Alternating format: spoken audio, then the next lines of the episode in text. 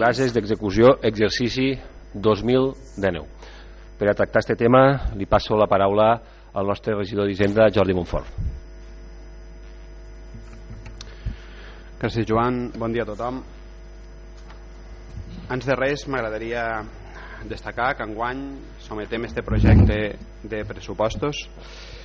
al ple durant el desembre, tal i com ens vam comprometre. I això crec que és un símptoma, entre altres coses, eh, que a poc a poc hem anat adquirint una dinàmica de treball, una normalitat que considero que és molt positiva i que en definitiva el que ens permet pues, és ser més àgils i eficients en la gestió dels pressupostos municipals. Cal dir que el fet de portar eh, esta proposta al ple avui també té alguns desavantatges.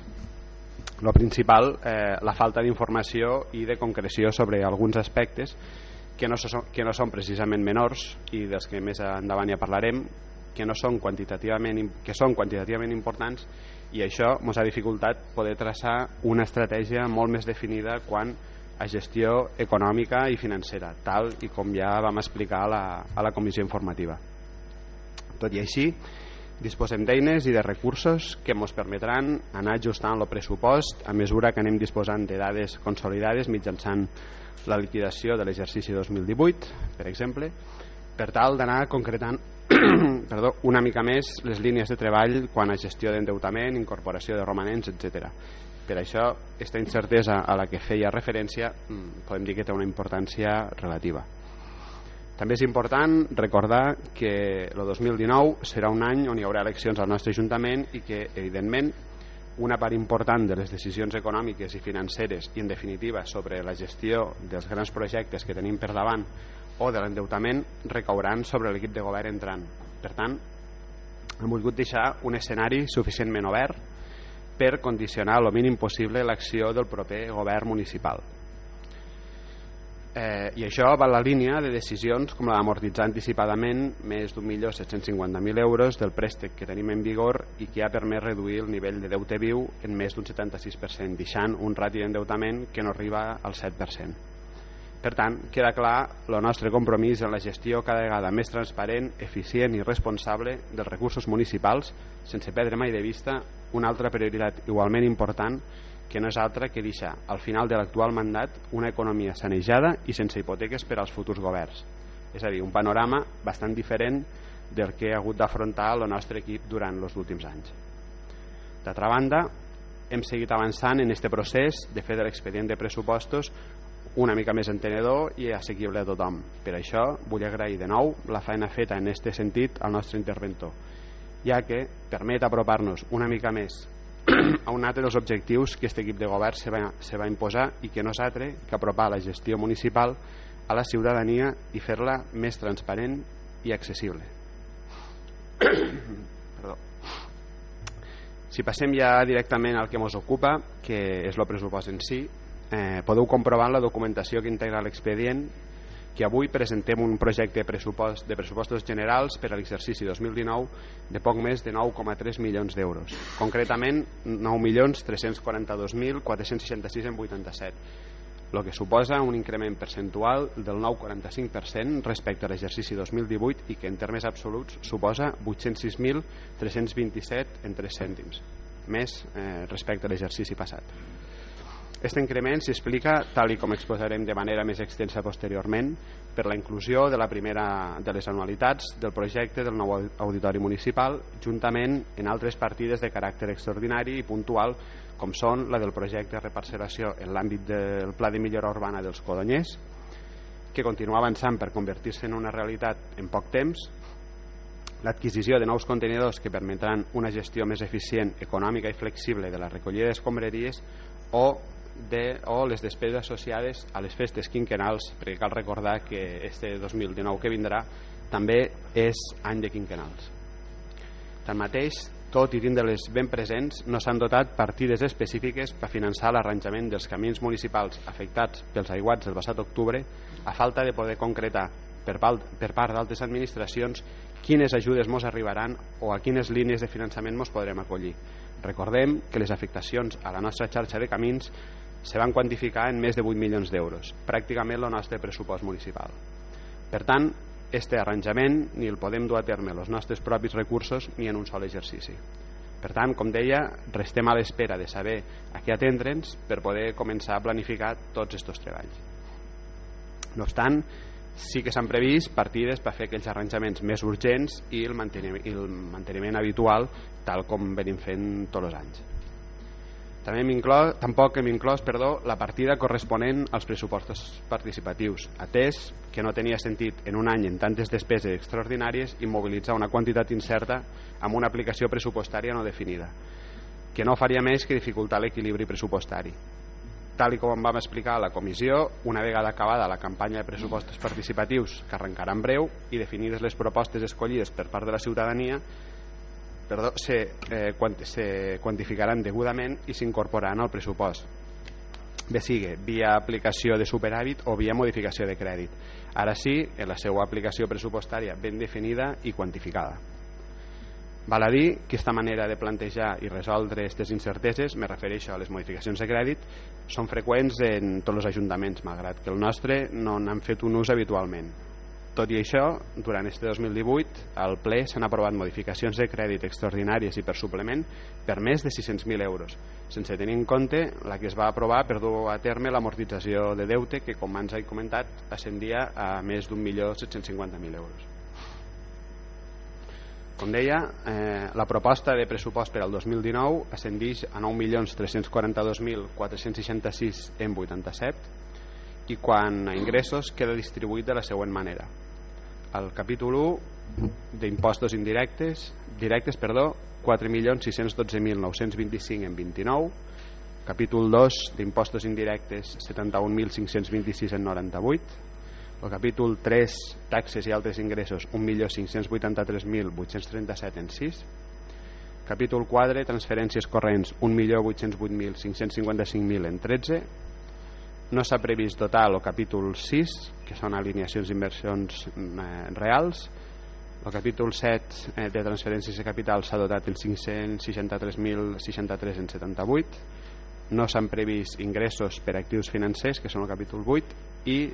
eh, se preveuen 699.058 euros eh, el capítol 9 de passius financers. Per tant, els recursos ordinaris, és a dir, els que s'integren eh, en els capítols de 1 a 5, ascendixen a 8.080.344 en 46 i els de capital, és a dir, els que s'integren en el capítol 6 a 9, a 1.262.122 en 41 euros. Les despeses eh, s'hi distribuiran de la següent manera. Al capítol 1, despeses de personal, 3.870.565 en 02. El capítol 2, de despeses en béns corrents, 3.543.233 en 83. El capítol 3, de despeses financeres, 10.620. El capítol 4, transferències corrents, 343.129 en 49. No s'ha previst dotar fons de contingència, eh, s'han pressupostat 1.525.274 en 45 al capítol 6 d'inversions reals tampoc se preveuen transferències de capital ni eh, actius financers i eh, el capítol 9 de passius, finan de passius financers s'han pressupostat 49.644 en 0,8 per tant les despeses ordinàries és a dir, les que s'integren dins del capítol 1 a 5 ascendixen a 7.765.548 en 33 i les de capital, és a dir, les que formen part del capítol 6 a 9 en 1.574.918 en 53 Recordar, recordar, tal i com ja es va dir a la Junta, que a la memòria explicativa hi trobareu la descripció detallada i la ponderació de cada un d'estos capítols, el seu desglossament en aquelles partides més importants, així com les respectives variacions en relació al 2018 tal com hem vingut fent els últims anys, s'ha fet un esforç per intentar fer tota aquesta informació el més entenedora possible, de tal manera que ajude a formar-se una idea el més clara de, possible de què són i quin pes tenen totes aquestes partides en el conjunt del, del pressupost.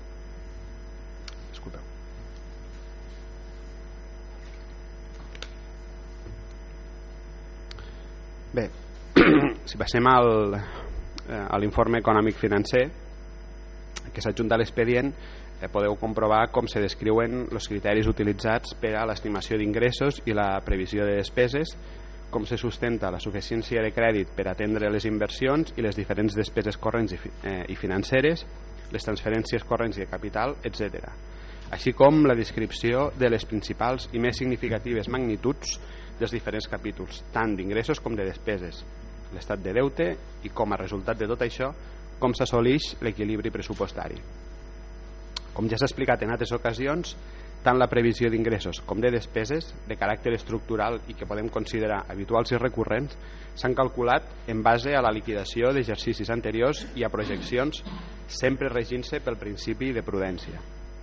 Aquelles partides de nova creació o dotades per a l'ocasió, inversions puntuals, etc., s'han dotat en base a altres criteris com el cost previst del projecte o actuació, o en el cas d'impostos i tributs, en base a les dades facilitades per l'ens encarregat de la seva gestió a partir dels padrons fiscals. Sobre la gestió de, de l'endeutament i la gestió i l'estat del deute, eh, tal com podeu observar a l'annex número 2, l'Ajuntament té contractada una operació financera a llarg termini, és a dir, un préstec eh, en una entitat bancària per un import total de 4 milions d'euros, del qual quedaran pendents d'amortitzar a 31 del 12 de 2018 521.263 en 0,8 en una anualitat teòrica de 49.644 en 0,8 com he recordat abans, fruit de l'aplicació del superàvit de l'exercici 2017, este any eh, hem amortitzat anticipadament poc més d'1.750.000 euros, el que ens ha permès generar un estalvi en aquesta anualitat teòrica d'aproximadament 160.000 euros, entre amortització de capital i interessos financers. Val a dir que, en funció de la liquidació del pressupost 2018, s'estudiarà la possibilitat de destinar total o parcialment eh, este possible superàvit des d'exercici amortitzar de nou anticipadament part d'este préstec en tot cas, aquesta ja és una possibilitat que valorarem i debatrem i exposarem al, al seu moment. Sobre el pressupost d'ingressos i despeses, com ja haureu observat, s'ha estructurat seguint les pautes que ja es van començar a utilitzar al pressupost 2018, com a resultes de la implantació del procés de renovació iniciat el passat exercici, sobretot en allò referit als conceptes de les classificacions econòmiques i a les denominacions de les diferents aplicacions s'han anat eh, reconfigurant partides per tal d'utilitzar un sistema més homogeni que ajudi a definir de manera més precisa els centres de cost i la naturalesa de les partides. Este era un objectiu que ens vam marcar i que vam prendre a principi d'este mandat i que ja podem dir que estem contents d'haver assolit, gràcies sobretot a la tasca del, del nostre interventor. En qualsevol cas, tal com ja es va dir a la comissió, si algú té qualsevol dubte sobre qualsevol partida, se pot dirigir després del ple a mi mateix, a l'interventor o al regidor responsable de cada àrea per a que li faci els aclariments que necessite. D'este pressupost 2019 cal destacar sobretot el millor 525.000 euros destinats a inversions eh, i d'entre elles la més important quantitativament parlant és la destinada al projecte de construcció de l'Auditori Municipal. A tals efectes s'ha previst una partida de 800.000 euros financiats parcialment pel PAM en 249.397 euros corresponents a la primera anualitat prevista i la resta mitjançant finançament aliè, és a dir, via préstec. Esta obra se preveu que es dugui a terme al llarg de dos o tres exercicis, per tant, els imports de les properes anualitats variaran en funció de la seva durada. Així mateix, també s'ha previst una partida de 120.000 euros destinats al projecte de reparcel·lació de l'àmbit dels codonyers i les despeses registrals i notarials derivades. En això se podrà adjudicar este projecte i encarar la recta final de tots aquests tràmits previs a l'execució de l'obra. Cal dir que el cost d'aquest projecte i les despeses registrals i notarials acabarà imputant-se al, al cost final de l'obra i repercutirà via quotes d'urbanització als veïns d'aquest àmbit. Però, entretant, eh, el cost, este cost l'ha de suportar l'Ajuntament. Això suposa un esforç extra ja que requereix d'un finançament previ sense, contraprestació i això evidentment el que fa és dificultar una mica l'equilibri pressupostari. També s'ha previst una partida important de poc més de 148.000 euros per fer front a l'adquisició dels nous contenidors que al llarg d'este 2019 aniran substituint els existents al Canà, les cases i al Canà Platja. Aquesta necessitat de canvi se deriva del nou contracte licitat, de, licitat pel servei de recollida d'escombraries a nivell comarcal pels propers 10 anys. Atès que aquesta és una despesa extraordinària i puntual i que no s'ha repercutit directament al ciutadà, no disposem de recursos a tals efectes i s'ha optat, en principi, per finançar-la via endeutament tot i que també es valoren altres possibilitats que anirem analitzant al seu moment. Cal afegir tot i que el regidor de Medi Ambient ja ho explicarà degudament al seu moment, que l'opció escollida al nostre, pel nostre Ajuntament, malgrat significar una despesa important, suposa un estalvi de més de 80.000 euros a l'any respecte a altres opcions, el que al final d'aquest contracte de 10 anys suposarà un estalvi de més de 800.000 euros per al municipi. Tanmateix, també s'ha previst altres inversions de menor import però igualment importants per al poble, com és el soterrament de la línia elèctrica a l'Avinguda Catalunya en l'àmbit de la UACU, la connexió de la xarxa de clavegueram entre la circunvalació i la depuradora i les expropiacions necessàries per dur a terme l'obra, l'adequació de l'accés al canà eh, per la TP 3318, coneguda popularment com les fletxes, l'arranjament de l'enjardinat del mirador millores als equipaments i instal·lacions esportives o la primera fase de la millora de l'oficina delegada a les cases. A banda, evidentment, de les inversions anuals en asfaltat, mobiliari urbà o millora de l'eficiència energètica en la línia del que hem vingut fent els últims anys. També s'ha dotat partides per la redacció de projectes complexos com la d'urbanització del carrer Alcalde Sant Martí o per, la, o per la museïtzació de la Casa del Marquès, finançat este últim per la Diputació de Tarragona en 30.000 euros. Se'n preuen d'altres igualment importants en l'àmbit de la seguretat i la salut, com l'adquisició d'emissores per la xarxa Rescat o la instal·lació de dos nous desfibriladors al municipi, reforçant així l'aposta iniciada a principi d'este mandat per fer del nostre poble un poble cardioprotegit. En l'àmbit de la despesa corrent, enmarcada al capítol 2, cal destacar la partida prevista per la celebració de les festes quinquenals, quantificada en 150.000 euros i que, al ser extraordinària, ens ha obligat a buscar recursos addicionals per a finançar-les. Val a dir que, malgrat tot, aquesta circumstància ja estava prevista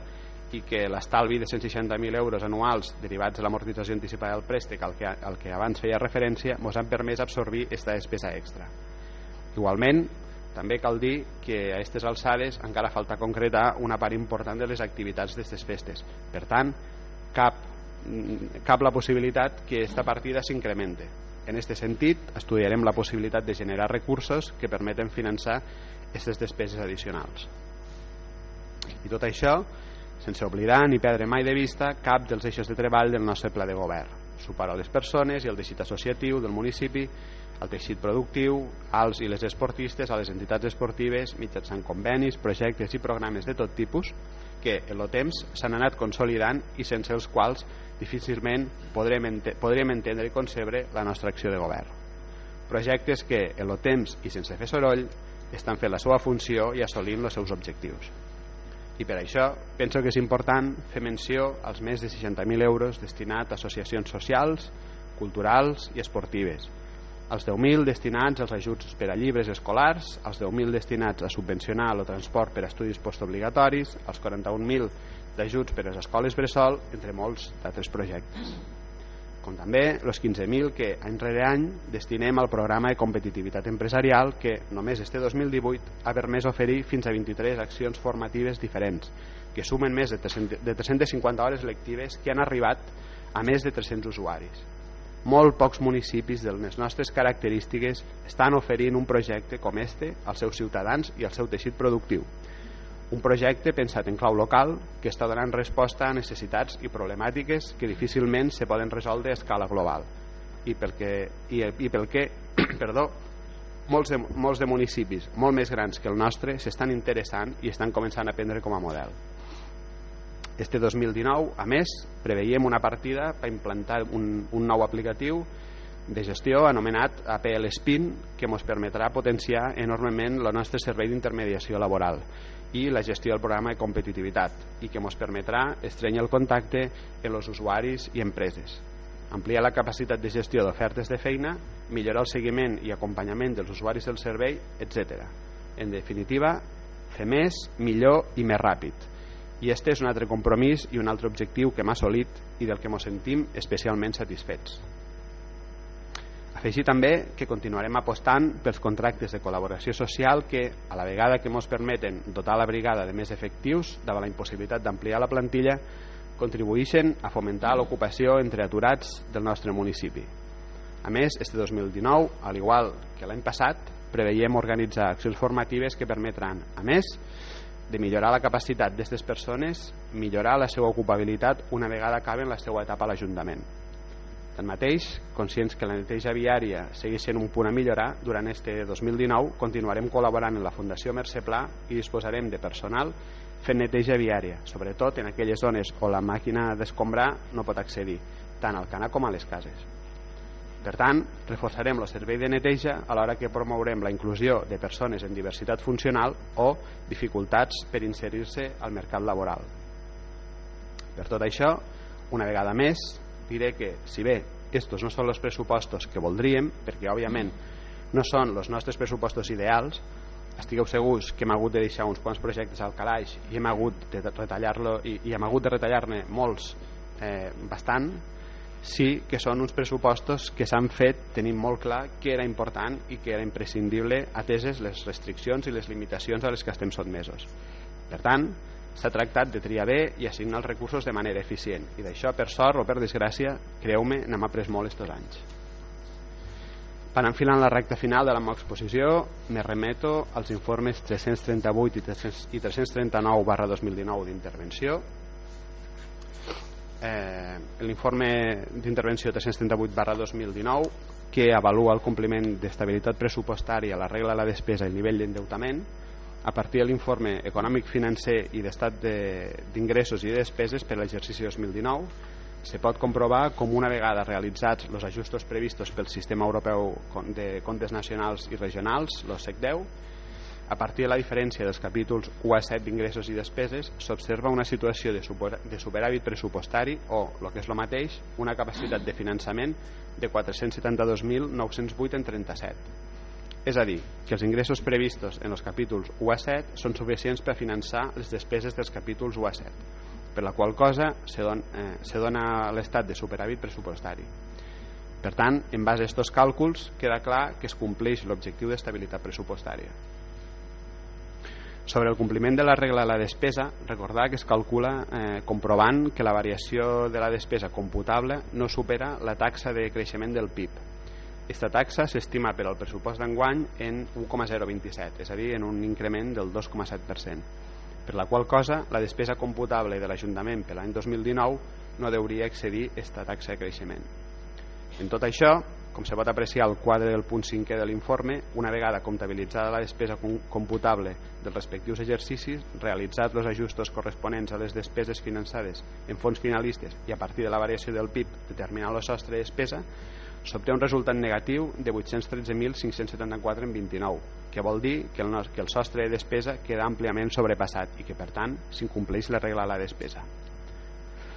Tal com hem explicat la comissió informativa, l'interventor jo mateix, aquest incompliment s'ha de matisar per diverses raons. La primera, perquè el sostre de despesa s'ha calculat en base a despeses liquidades no consolidades, és a dir, que no inclouen totes les despeses fins a final d'any, tan sols aquelles comptabilitzades en el moment d'elaborar el pressupost. Òbviament, aquestes augmentaran en el moment de la liquidació de l'exercici 2018 i el sostre de despesa, eh, evidentment, també. En qualsevol cas, queda clar que no serà suficient per absorbir tot aquest desajust. Eh, la segona raó, eh, entre les despeses del 2019 s'inclouen inversions importants com la de l'auditori, que ell, per ella sola ja suposa 800.000 euros i que expliquen per elles mateixes el perquè d'aquest incompliment. Se tracta de despeses puntuals no estructurals que causen desajustos en el moment que es van a realitzar. Per tant, una vegada es duguen a terme aquestes obres, aquest excés de despesa també desapareixerà. En tot cas, l'interventor ja s'ha posat en contacte amb l'òrgan de tutela financera i una vegada tinguem la liquidació del pressupost 2018 i tinguem clar el grau d'incompliment, se mirarà en quins termes s'haurà de plantejar el pla econòmic financer de rigor atesa la nostra realitat. Finalment, com he dit anteriorment, quan parlava de l'estat d'endeutament, eh, deute viu de l'Ajuntament a 31 del 12 del 18 serà de 521.263 en 0,8 i tenint en compte les previsions del pressupost si es concreten totes les operacions que s'han previst a 31 del 12 del 19 serà d'un milió 170.678 i els ingressos corrents ajustats de 6.568.405 per tant, el rati sorgit eh, d'este quocient és del 17,82% per tant, atès que aquest 70% està molt per baix del 75% que implica el règim de comunicació i del 110% que fixa el règim d'autorització, queda clar que es complix el límit de deute. Sobre l'informe d'intervenció 339 barra 2018, eh, en base a tot l'anterior, conclou que revisada tota la documentació que integra l'expedient i que una vegada comprovat l'equilibri pressupostari perdó, i una vegada comprovat l'equilibri pressupostari informa favorablement en totes les observacions i recomanacions per a mantenir una bona salut econòmica i financera. Per tant, en base a tot això, se proposa al ple l'adopció dels següents acords. Primer, aprovar provisionalment el pressupost 2019. Segon, aprovar provisionalment la plantilla de personal per al 2019 que es detalla al pressupost. Tercer, aprovar les bases d'execució del pressupost general. Quart, sotmetre estos acords a informació pública mitjançant la inserció de l'anunci al BOP i en el tauler d'anuncis de la corporació durant, 15 dies, eh, durant el termini de 15 dies hàbils, durant els quals les persones interessades podran presentar-hi al·legacions i reclamacions. Tanmateix, si en aquest període no es presenten al·legacions ni reclamacions, estos acords se consideraran aprovats definitivament. I cinquè i últim, trametre estos acords a la regidoria d'Hisenda. Finalment, no vull acabar sense reiterar un any més l'agraïment als companys i companyes de l'equip de govern per la feina feta i perquè, tot i la dificultat que suposa elaborar uns pressupostos quan totes les regidories tenen projectes interessants i ganes de fer coses, sempre trobem la manera d'arribar a acords en els que tots ens puguem sentir satisfets.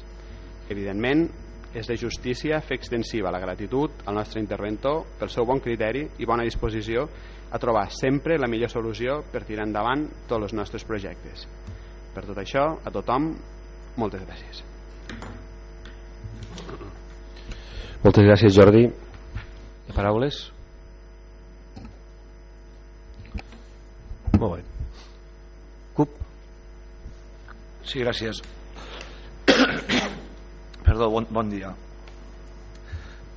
bueno, més que res per si podríem podria matisar algunes de les inversions i alguna cosa més en concret del que hi ha és eh, sobre el, el projecte d'urbanització de l'alcalde de Sant Martí quin és el tram o, o si és tot el carrer o quin és el tram de, del carrer eh, sobre la partida de projectes complexos que no sé si tu, bueno, ja has fet referència que els dos, no? però no sé si és que n'hi ha algun altre previst o... Eh, eh. I, i sí, la partida d'habilitació d'espais de la fanecada si podem especificar de què es tracta aquesta habilitació i, i ja està tinc aquests dubtes sobre, sobre les dimensions gràcies la roda i després ja... Uh -huh. Pedegat? Pedegat, sí. Vale, gràcies. Eh, molt bon dia a tothom. Per part nostra, eh, visualitzant aquests pressupostos, eh, podem destacar aspectes positius i aspectes eh, menys positius no diríem negatius perquè creiem que, que s'ha de donar aquest toc de, de constructivitat i poden ser aspectes millorables com ja ha dit també el regidor de, d'Hisenda en circumstàncies complicades que només ells ho saben i que també d'una manera o altra ens ha explicat el, el, a la comissió informativa. Com a aspectes positius, i és important que els destaquessin també, no, no només destacar els menys positius, valorem, tal com ha comentat, eh, molt positivament, ja no només d'enguany, sinó d'estos dos últims anys, la claretat, l'ordre, la facilitat de tota la documentació que es dona en el tema dels pressupostos i me faig extens també i, i m'adherixo en esta, en esta agraïment de la tasca que fa tot el departament en conjunt de, d'intervenció i també extens, extens el de secretaria en aquest control que s'ha de fer. Crec que és una tasca important que facilita l'equip de govern, però al mateix temps que facilita l'equip de govern també facilita a altres grups municipals que en altres situacions no hem tingut la claretat, la, la, bueno, la, la informació tan adequada com, com tenim ara en aquests moments i crec que és una cosa a, a ressaltar. Veurem també positivament el temps que, que es presenten els pressupostos. Sabem que en aquest Ajuntament moltes vegades s'han presentat els pressupostos i s'han aprovat a més de, de setembre, inclús agost o per circumstàncies també de, de mancances d'efectius i evidentment això és una cosa que crec que s'ha de ressaltar i l'equip de govern ja ho fa, però crec que des de, des de l'oposició també ho posem en valor i crec que és el que toca, perquè d'esta manera podem executar tot un any en pressupostos ja fets que la majoria i lo normal de la majoria d'ajuntaments seria que es pogués fer d'esta manera. També destaco, i, i ho volia comentar al plenari, la predisposició, en aquest cas del, del regidor d'Hisenda, algun dubte que han tingut, els regidors, com també aquests dubtes que es poden presentar, sobretot d'urbanisme, de projectes, d'inversions, que és un moment de que hem tingut a la regidora d'urbanisme que ens ha resolt aquests dubtes i d'esta forma tampoc no fa falta posar debat aquí al, al ple de pressupostos, inclús en alguna, algun dubte que teníem en el tema de, en el tema de contenidors, que, que en el regidor de Medi Ambient ens reunirem i també aclarirem què és. Eh, si parlem dels pressupostos per traure algo positiu, coincidim en partides, en partides, inversions sobretot, són moltíssimes les partides que hi ha i entenc jo que, que no poden comentar-les totes, però urbanitzacions capdals, com pot ser, ho heu comentat, l'urbanització dels Codonyers, l'urbanització local de Sant Martí, eh, l'acondicionament de les entrades del municipi, una cosa que, que d'aquestes partides, aquestes inversions, eh, és algo que nosaltres conjuntament amb altres grups municipals portàvem i reivindicàvem i pensem que el posar-se en efectiu i ser una realitat doncs, també és una cosa que ens alegrem tots. Eh, per pel tema de les entrades als municipis, bueno, ara de trimestre és un pas importantíssim, també s'ha de comentar que en la possibilitat que sigues, això és un prec ja, que poguéssim anar fent altres, altres entrades. Pensem que el poble tenim esta principal, però tenim altres dues entrades per la part de Vinaròs i per la part de, del Remei, i també no seria de més mirar la, la possibilitat del Cana Platja, que és algo que, que també que també estaria bé que es, que es pogués visualitzar o, o les entrades i les cases un sector, sector turístic sector que possiblement és, és bo esta visualització i crec que jo esta, esta, esta imatge que es vol donar aquí a l'entrada del, del nostre municipi i que, que és positiva i, i valorem, valorem de forma, de forma correcta que es faci aquesta inversió. En aspectes menys, menys positius, o no li direm negatius, però direm menys positius, és el fet de que, de que bueno, tot i estar estaranant en, en propers exercicis, si es dona el cas, es pugui participar anteriorment al, a un pressupost tancat. Entenem que el pressupost està tancat, eh, que és molt difícil encaixar, que el regidor d'Hisenda té aquestes partides que ha, de, que ha de fer en l'equip de govern i no hi ha opció de marge de maniobra tot i que es puguen fer aportacions posteriorment a tindre la documentació entenem que és inviable canviar partides, posar-ne de noves, eh, modificar, modificar, però en la possibilitat de que això pugui ser sí que agrairíem el fet d'anteriorment a tindre tancat un pressupost poder, poder col·laborar en fer alguna de les aportacions a, al pressupost. Un altre tema menys positiu, i entenc que, entenc que és una cosa meritada per part de l'equip de govern, i si han fet aquesta opció és perquè no hi havia més solució, però que a nosaltres mos, bueno, mos sap greu que, que no s'hagués posat d'un inici aquests pressupostos participatius. Pensem que, ja va explicar la comissió informativa, que, que no hi ha marge, que és molt difícil poder-se, possible també pel, pel temps de que es volen presentar ara, si s'haguessin presentat més tard haguéssim tingut marge, però potser si de cara al setembre o octubre s'hagués pogut iniciar esta, esta campanya, si era possible, no haguéssim tancat, no haguéssim trencat esta seguida positiva que porteu d'uns anys fent aquests pressupostos participatius que de fet eh, la gent ha participat, ha anat a l'alça en això i crec que és una de les coses que també d'un moment o altre nosaltres vam, vam creure que, que era una cosa adequada. De fet, aquí, senyor Roig, vostè és lo, lo, el que portava la bandera als pressupostos participatius i penso que és una cosa que s'ha de seguir fent. No sé si a mitjan any, si a final d'any, si quan s'ha de fer, però el procés seria correcte no trencar este, esta seguida de pressupostos participatius que més, més enllà de que una partida sigui més gran o menys, la gent pot participar en elegir aquells projectes, tot i que els projectes se puguin allargar, que poguéssim tindre pressupostos participatius que s'han aprovat en anys anteriors i encara queden per a poder-se executar, podria ser lo, l'espai jove a les cases o això de les, el tema de l'identificació de les caques que ve en guany o el tema, o el tema per exemple de les càmeres que també s'executarà en breu el tema és que es pugui seguir fent i que la gent participi en tot això. És a caràcter, a caràcter constructiu. També has comentat el tema de l'incompliment de, la, de la regla de la despesa entenem, los que, los que entenem i hem estat a la comissió informativa que hem explicat que és un tema puntual, que és un tema que és concret i possiblement el que més identifica a, a l'incompliment és la, la partida dels 800.000 euros que comentaves del, de l'auditori. I en aquests moments s'han de prendre decisions, s'han de prendre decisions de posar-ho i, i no complir-ho o no posar-ho incomplir-ho. Nosaltres, tot i en això, també entenem que detrás d'aquí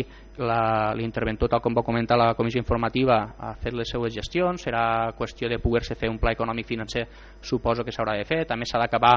de veure l'any com, com s'executa, però com dies absorbir aquesta quantitat de 800.000 euros possiblement serà molt complicat. Més enllà d'això, no li donem la importància de que, de que sigui algo molt greu, és molt diferent al pla econòmic financer que vam vindre fent ara, ara estos últims anys i entenem que és una cosa que, que bueno, ens preocupa, però relativament, i això és una cosa que, que volíem destacar molt més positiva. Entrant en el pressupost, sí que val la pena no comentar totes les partides, però a grans trets. Nosaltres un dels temes que, que mos, mos ha preocupat i entenem que, que és difícil quadrar un pressupost en els recursos que hi han, tot i que s'hagi augmentat eh, 800 o 900.000 euros de, de pressupost en referència a l'any anterior, veiem una mica de, del desequilibri vale, en, la, en situacions reals que ara ens hi trobem al nostre municipi en l'apartat, si volem dir-li eh, pilars fonamentals del, de la nostra apartat productiu vale? tenim per un costat este milió i mig d'euros que hem vist en l'apartat la, d'inversions que tenim en fons propis és 1,1, 1,2 aproximadament i la resta serien d'altres administracions i com has comentat també al tindre les festes quinquenals enguany eh, tot l'apartat de festes, celebracions, això pot pujar aproximadament sobre el mig milió d'euros. Dit això, claro, veiem positivament, i ho destaquem,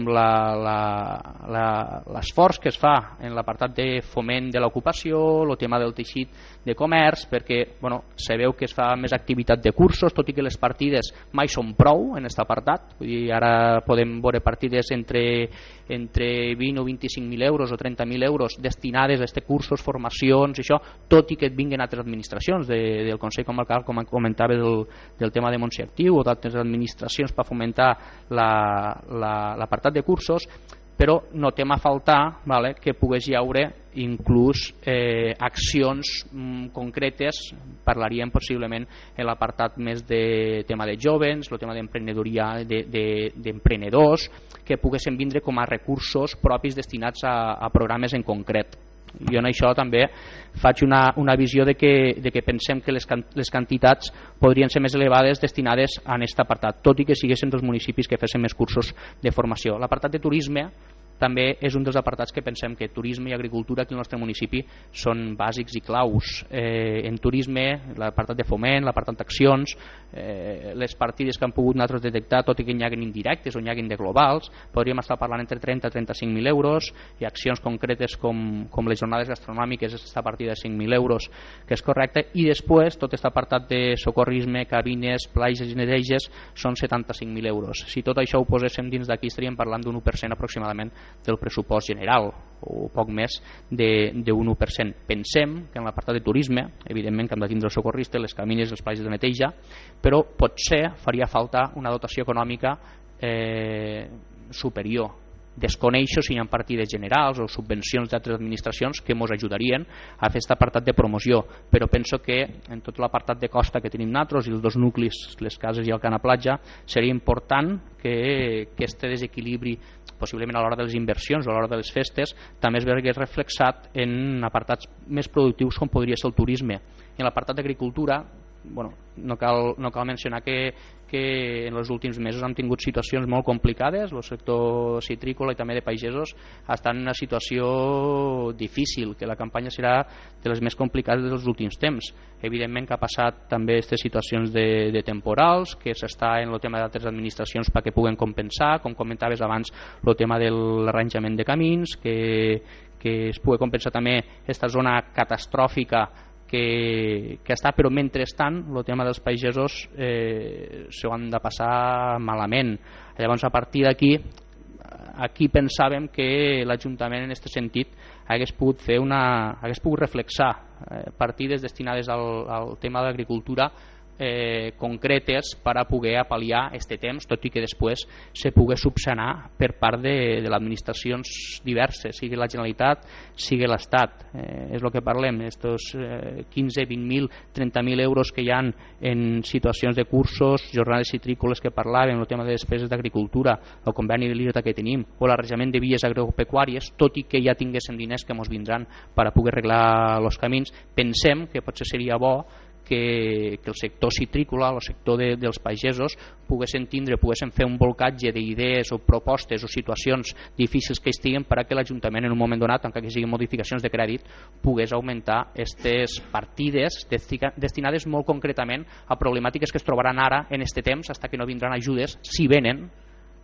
a, per part del, del sector. Ja no parlo de cursos i formació, possiblement parlo d'altres situacions en problemàtiques que es troben a l'hora de, de treure el gènere, a l'hora d'exportar, a l'hora de la compra, a l'hora de, de, de fruita que es pugui quedar a l'arbre, no ho sé. L'apartat que l'Ajuntament, la, i també és responsable d'Agricultura, no sé si el sector ens podria donar idees en què l'Ajuntament pot ajudar a fer aquestes aportacions. Estem parlant de que aquestes partides més o menys generals que podem parlar és un 0,2% del nostre pressupost i pensem que ara en concret i més havent passat això fa molt poquet està molt bé que féssim aquestes ajudes donar suport en el tema de, de les manifestacions i estar al, sector, al costat del sector citrícola però potser en el tema del pressupost seria convenient eh, mirar què us ho fa falta. I si es pot aportar alguna cosa més entenc jo que, que això és a criteri evidentment de l'equip de govern però esta partida, més de ser de 30.000 euros o de 25.000 euros si ha de ser superior pel tema de poder guanyar este temps que no tindran ajudes o, o compensacions que es pugui fer per part de l'equip de govern. I pues, això que comentàvem entre aquestes partides d'inversions, obres i, i l'apartat de festes tenim quinquenals a guany que estem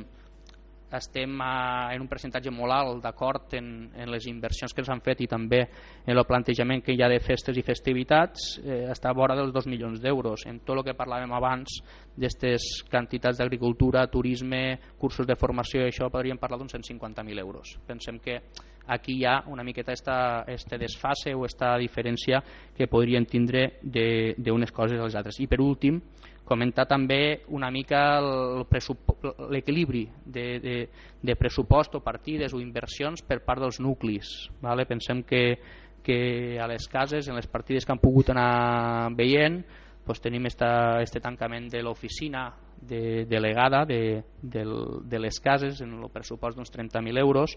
i també les instal·lacions esportives crec que posava una millora d'instal·lacions esportives sobre, sobre els 1.000 euros no hem sapigut tampoc visualitzar moltes més partides que vagin destinades concretes al tema de les cases, que potser n'hi ha de generals que després s'acaben fent, o com comentaven abans, el tema de projectes complexos que desconeixem que puguen anar, però en tema de l'equilibri de les cases. I després la Cana Platja sí que realment, més allà de la partida que, que hi ha destinada a festes del Serramar, que són 6.500 euros, no han visualitzat més partides. No sé si hi ha partides d'urbanitzacions, si hi ha algun tema de, de, de subministres, que algo d'alguna urbanització en concret, algun projecte que tingui, que no hem vist nosaltres que estigui destinat. Llavors veiem que l'equilibri a nivell de nuclis eh, d'inversió o d'aportació de partides és, és, molt, és molt diferenciat tot i en això, vale, aquests aspectes menys positius que han comentat, eh, el nostre vot no serà negatiu. Pensem que, pensem que hi ha molts aspectes positius a destacar i més enllà del pressupost el que hi ha més a destacar és l'actitud o la predisposició que hi ha hagut en poder, en poder comentar, ser transparents en els projectes, explicar-los, intentar també convèncer per a que nosaltres poguéssim tindre un vot més, més correcte i avancem que el nostre, el vot, el nostre vot serà un vot d'abstenció. Gràcies.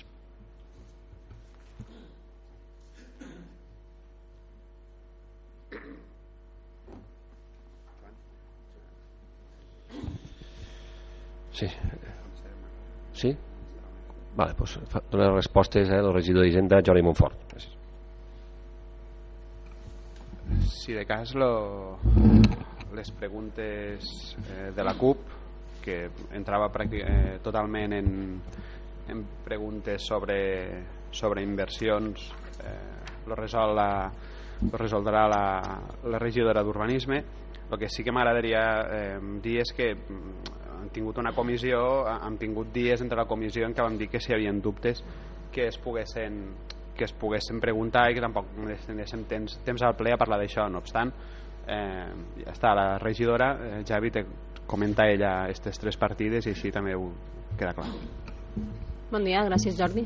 Bueno, referent a les preguntes que ha fet el company Javi de la CUP, eh, referent al projecte del carrer Alcalde Sant Martí, que hem destinat una partida de 15.000 euros, és per, a, per això, per a fer l'encàrrec de, de la redacció del projecte de l'alcalde Sant Martí del tram que va des de la Ronda del Remei fins al final, fins on està l'estisora una vegada passat les instal·lacions esportives municipals, o sigui, és tota la part urbana diguéssim, de, del que queda l'alcalde Sant Martí. Comentar també que ara una vegada tenim molt encarrilat el tema de, dels codonyers, de, de la projecte d'urbanització dels codonyers, sempre expliquem que són tres blocs, el bloc del pla de millora urbana, el bloc de la reparcel·lació i el bloc del projecte d'urbanització, el bloc del Pla de Millora Urbana el tenim tancat en l'aprovació definitiva de la PUTE. L'últim bloc del projecte d'urbanització també el tenim aprovat, s'ha projecte aprovat, i ara estem immersos en aquest projecte de reparcel·lació, que el pressupost en 2019 hi ha una partida. Eh, comentar que aquest projecte, com sabeu, heu vist en les actes de la Junta de Govern, ha estat adjudicat dins d'aquest any 2018 i la partida que, que tenim en aquest any 2019 és la, tot el tema de despeses notarials i registrals que hi hauran un cop feta l'aprovació del projecte de reparcel·lació per a eh, escriturar no? o per a registrar aquestes noves parcel·les com quedaran resultants.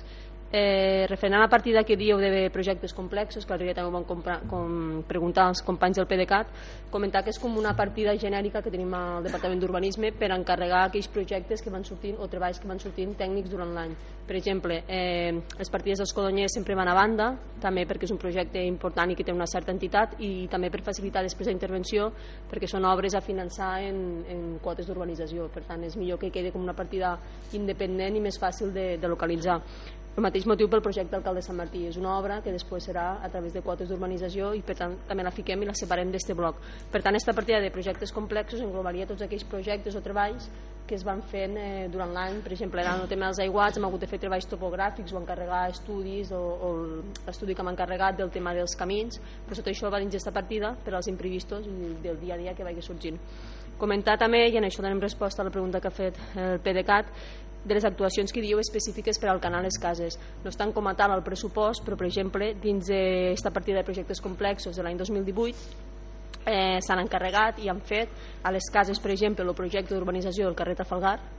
això està fet dins d'aquesta partida a l'any 2018 i a les cases també el projecte de tancament lateral de les pistes poliesportives municipals.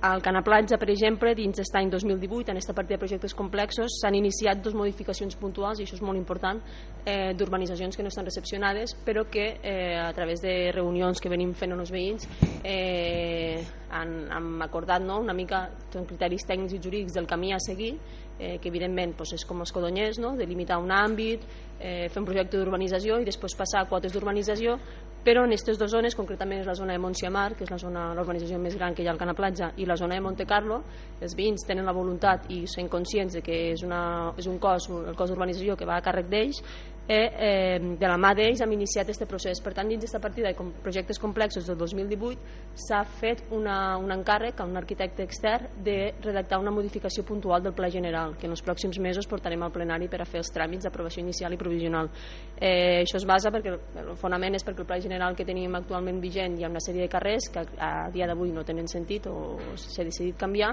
i també per optimitzar, eh, abaratir el cost de l'urbanització, o sigui, tots aquells carrers que no siguin necessaris i que a dia d'avui no tinguin sentit eliminar-los, eliminar vialitat per a que el costos d'aquesta urbanització que repercutirà als particulars sigui més, més baix.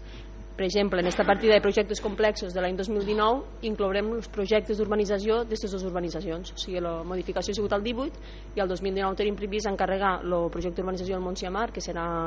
important i segurament s'haurà de licitar, i el, de, el del Monte Carlo. O sigui que específicament no surten així, però són, o per exemple el tema de les cases, són dins aquesta partida de, de projectes complexos. El fet també que comentaves aprofitant dels, dels accessos, no? d'això de que l'entrada a l'accés al canal per la zona de les fleses que sempre en diem és una actuació que anirà a cavall entre el 2018 i el 2019 el 2018 teníem una partida de 15.000 euros que va sortir de la,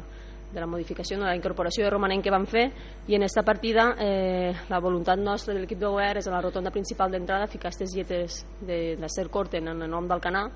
eh, estem pendents d'aquest Generalitat perquè aquella rotonda és competència de carreteres de la Generalitat ens dona l'aprovació i això seria dins del 2018 i també l'adquisició de plantes eh, important també a viveristes del municipi per a fer l'arranjament d'esta zona. Ahir, concretament, l'alcalde i jo mateix vam estar a Tarragona reunitzant carreteres de foment exigint una vegada més la construcció de la rotonda de les cases i precisament vam plantejar l'opció de si la rotonda està d'entrar de, a les cases, que serà competència de foment, perquè està a la nacional, ens deixarien fer o participar en el disseny i també en, en, en ficar aquestes lletres en la mateixa sintonia que les que volem ficar al canal per a eh, dignificar una mica més encara l'accés a les cases i ens van donar, bueno, se van oferir la seva col·laboració i no ens van ficar cap problema, vull dir que seguim treballant tot i que no figure com a tal la partida per a no només centrar-nos en el canal sinó millorar accessos també de, del canal i les cases. Si Jerry volia explicar també lo, la partida d'esta dels de la millora d'equipaments de la Fanecada Bé, gràcies, bon dia. La, la partida la pregunta que plantejava, lo plantejava el company Javi de la, de la CUP de les inversions en l'habilitació dels espais de la Fanecada és una partida que venim eh, posant eh, des de fa eh, dos, dos anys aproximadament en què s'està transformant la, la zona sud de, de la instal·lació de la Fanecada se va fer una, un primer arranjament. Eh, aquest any passat, si no m'equivoco se va fer tot el que és un emporlanat nou per a que per llevar les grietes i els badalls de, de, de les dues pistes de, de la part sud. I la idea és aquest any, eh, 2019, en aquest pressupost, pues, eh, reparar els serveis, eh, fer els tancaments, eh, bueno, tancar, tancar un tros de mur i, bueno, i anar eh, transformant aquella zona, en, bueno, ficant porteries noves i deixant aquella zona pues, eh, apta no? per a, per a l'ús. Ara la utilitzen, cada vegada la van utilitzant més, més veïns i la idea pues, és habilitar aquella... Eh, bàsicament l'actuació de, de, de la partida estava enfocada a la part sud de la, de la fanecada.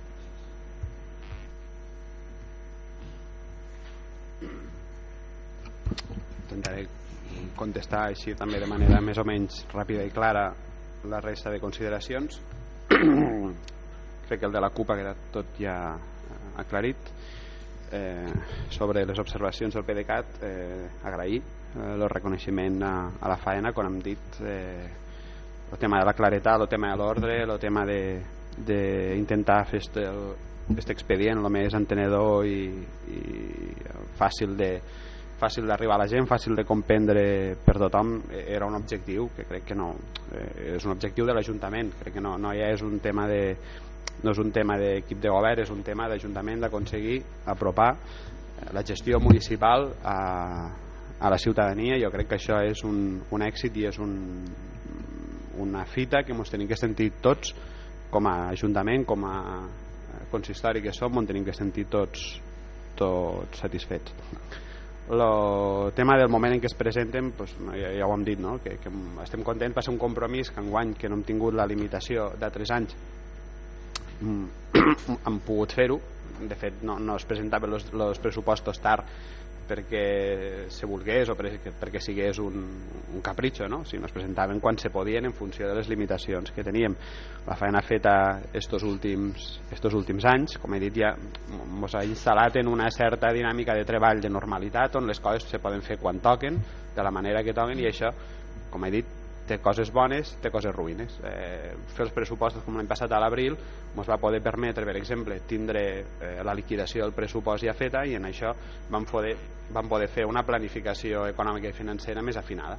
Eh, ara ho fem abans, bueno, no ens evitem prorrogar el pressupost i ja podem disposar de les partides d'inversió al principi, però ens ha fet falta informació que també després, com he dit, mm, anirem en funció de tal com anem tenint aquests inputs d'informació anirem eh, prenent decisions anirem acabant de definir aquesta estratègia no? eh, en tot cas mm, per això estan les, les modificacions de crèdit no? que de fet com dia eh, com en aquest ajuntament eh, històricament els pressupostos anaven tard i tampoc no teníem disponibilitat de pressupost ai d'interventor resultava difícil tramitar aquests expedients ara instal·lats en una dinàmica de treball normal eh, se pot treballar de manera normal és a dir, presentar els pressupostos quan cal liquidar el pressupost quan cal i, i a partir d'aquí tota aquesta informació i tenir l'aparell administratiu a disposició pues, se pot anar maniobrant i es pot anar corregint, rectificant eh, si hi ha possibilitats de, de generar crèdit pues, crear noves modificacions que el que fan és poder-te acabar de configurar tot este, este document no? per tant eh, agraïs, eh, agraïm lo, el reconeixement no, en aquesta faena i evidentment és un procés que tant nosaltres durant este mandat com el proper govern crec que és, un, és una línia de treball que no té que, que no té que, que abandonar i que al fin i al cap estem per a servir la ciutadania i que aconseguir, com dèiem abans, que aquesta informació sigui el més transparent i clara possible per a tothom sobre mm, la participació en l'elaboració del pressupost jo crec que ja has tocat bastant no? les claus l'elaboració del pressupost tampoc no, no, no vaig explicar ara com, com s'elabora un pressupost però perquè la gent mos entengui eh, quan comencem a parlar l'interventor eh, com eh, que hem de començar a posar-nos en el pressupost ell ja té uns ingressos prefixats que són sobretot els impostos, eh, les taxes, les, aquelles transferències que ens venen d'altres administracions i a partir d'aquí es defineix un nivell d'ingressos. Eh, després tenim unes despeses que podem considerar més o menys estructurals, doncs que són el personal, que són les despeses de funcionament, les la despesa corrent.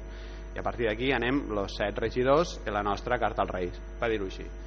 Eh, jo em penso, este serà el cinquè pressupost que porto al ple, jo em penso, i no ho dic de broma, que no ha hagut cap any que quan hem començat a discutir els pressupostos haguem partit d'un desajust inicial de com a mínim mig milió d'euros. I a partir d'aquí ha hagut algun any que vam rossar quasi el millor. En inversions i tot això. Què passa? A partir d'aquí ve tot aquest procés de priorització, de discutir les anualitats, de, evidentment un projecte com l'auditori no era qüestió de posar-lo tot sencer, sinó afinar les, les, les anualitats, eh, pensar que per exemple en guany pues, eh, si en l'auditori més o menys podíem intuir que podíem estar sobre 800.000 euros d'execució el que no farem és posar un millor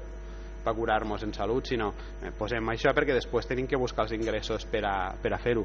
per tant, este procés de debat, de priorització intentar que cap, mm, cap altre regidor tingui eh, instints homicides i tentacions d'assassinar el regidor d'Hisenda, pues creu-me que és complicat. Llavors, si en aquesta equació i a partir d'aquí després busquem este finançament, este finançament en aquest cas com enguany que hem hagut de recórrer al tema dels, dels préstecs hi ha una faena pues, d'anàlisi de, també com allò que parlàvem ja en anys anteriors d'intentar ja hem entrat en, un,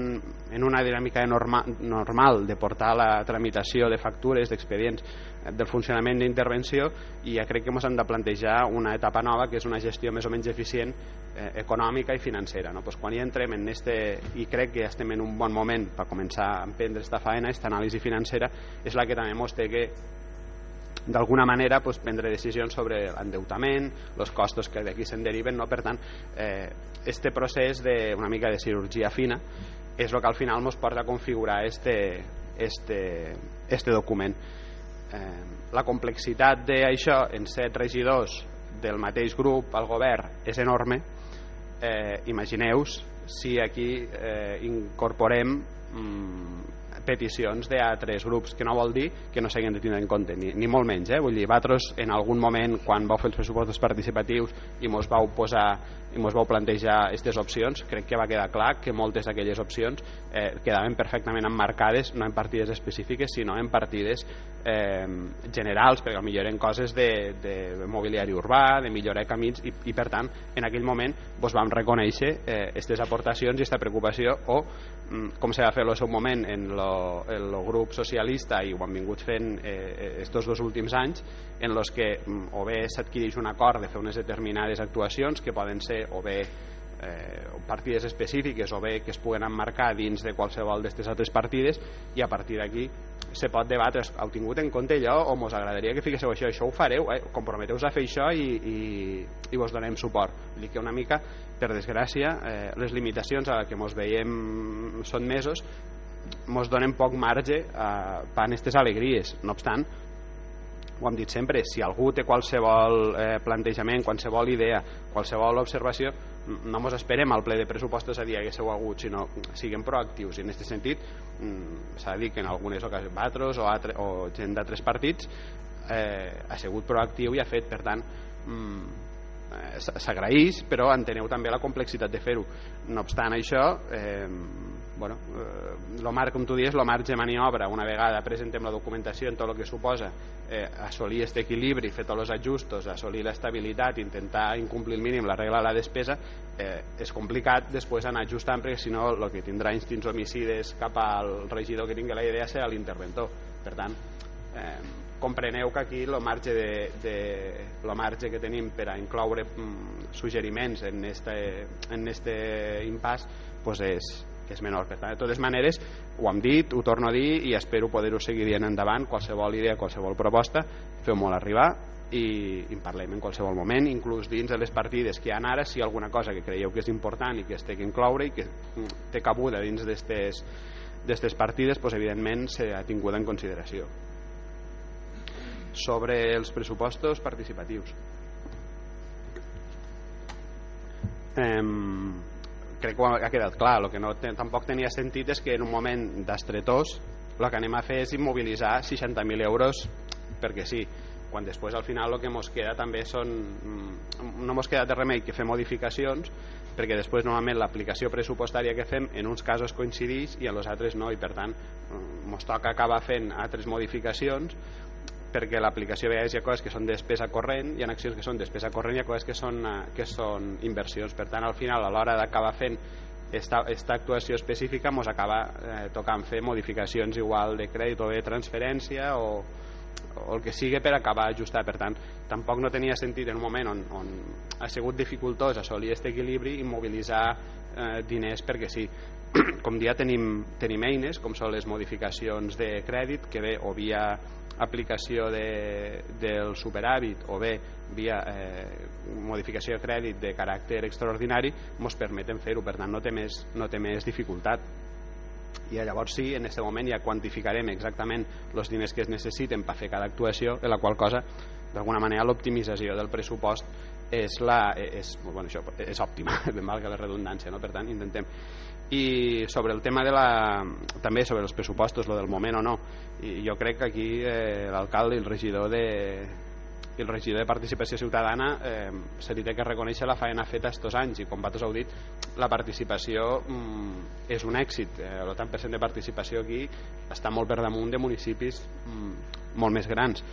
per tant jo crec que eh, com a mínim el benefici el dubte de que la temporització en què això es fa és, és l'adequada. Per tant eh, crec que val la pena també respectar una mica estos, estos tempos, esta forma en què s'han vingut fent els últims anys i esta feina la podem fer pues, a, quan acabi la campanya i aquesta modificació se pot fer al gener, es pot fer al febrer quan sigui, per tant no, no veig eh, per cap lloc tampoc que, que fer-ho abans o, o fer-ho al moment que ho ha vingut fer els últims anys ens suposa més, més problema sobre el tema de la regla la despesa eh, és evident, i ja ho vam dir en aquell moment a la comissió, eh, és evident que és un, és un incompliment conscient. O sigui, des del moment que decidim fer aquesta obra, mm, o, o deixem de fer o deixem de dur a terme eh, despeses per 800.000 euros per fer això, o incomplim. I si volem seguir caminant i volem seguir avançant i volem seguir fent coses al poble, doncs té que ser conscient que aquestes coses passen i que mm, vosaltres ja estic molt d'acord amb la lectura que feu eh, és relatiu i la, i la import, igual que quan hem tingut anys que hem estat eh, complint de forma molt àmplia perquè les variacions un any a l'altre ens permetien absorbir-ho, aquest any que s'ha complit se li té que donar la importància que té atenent a més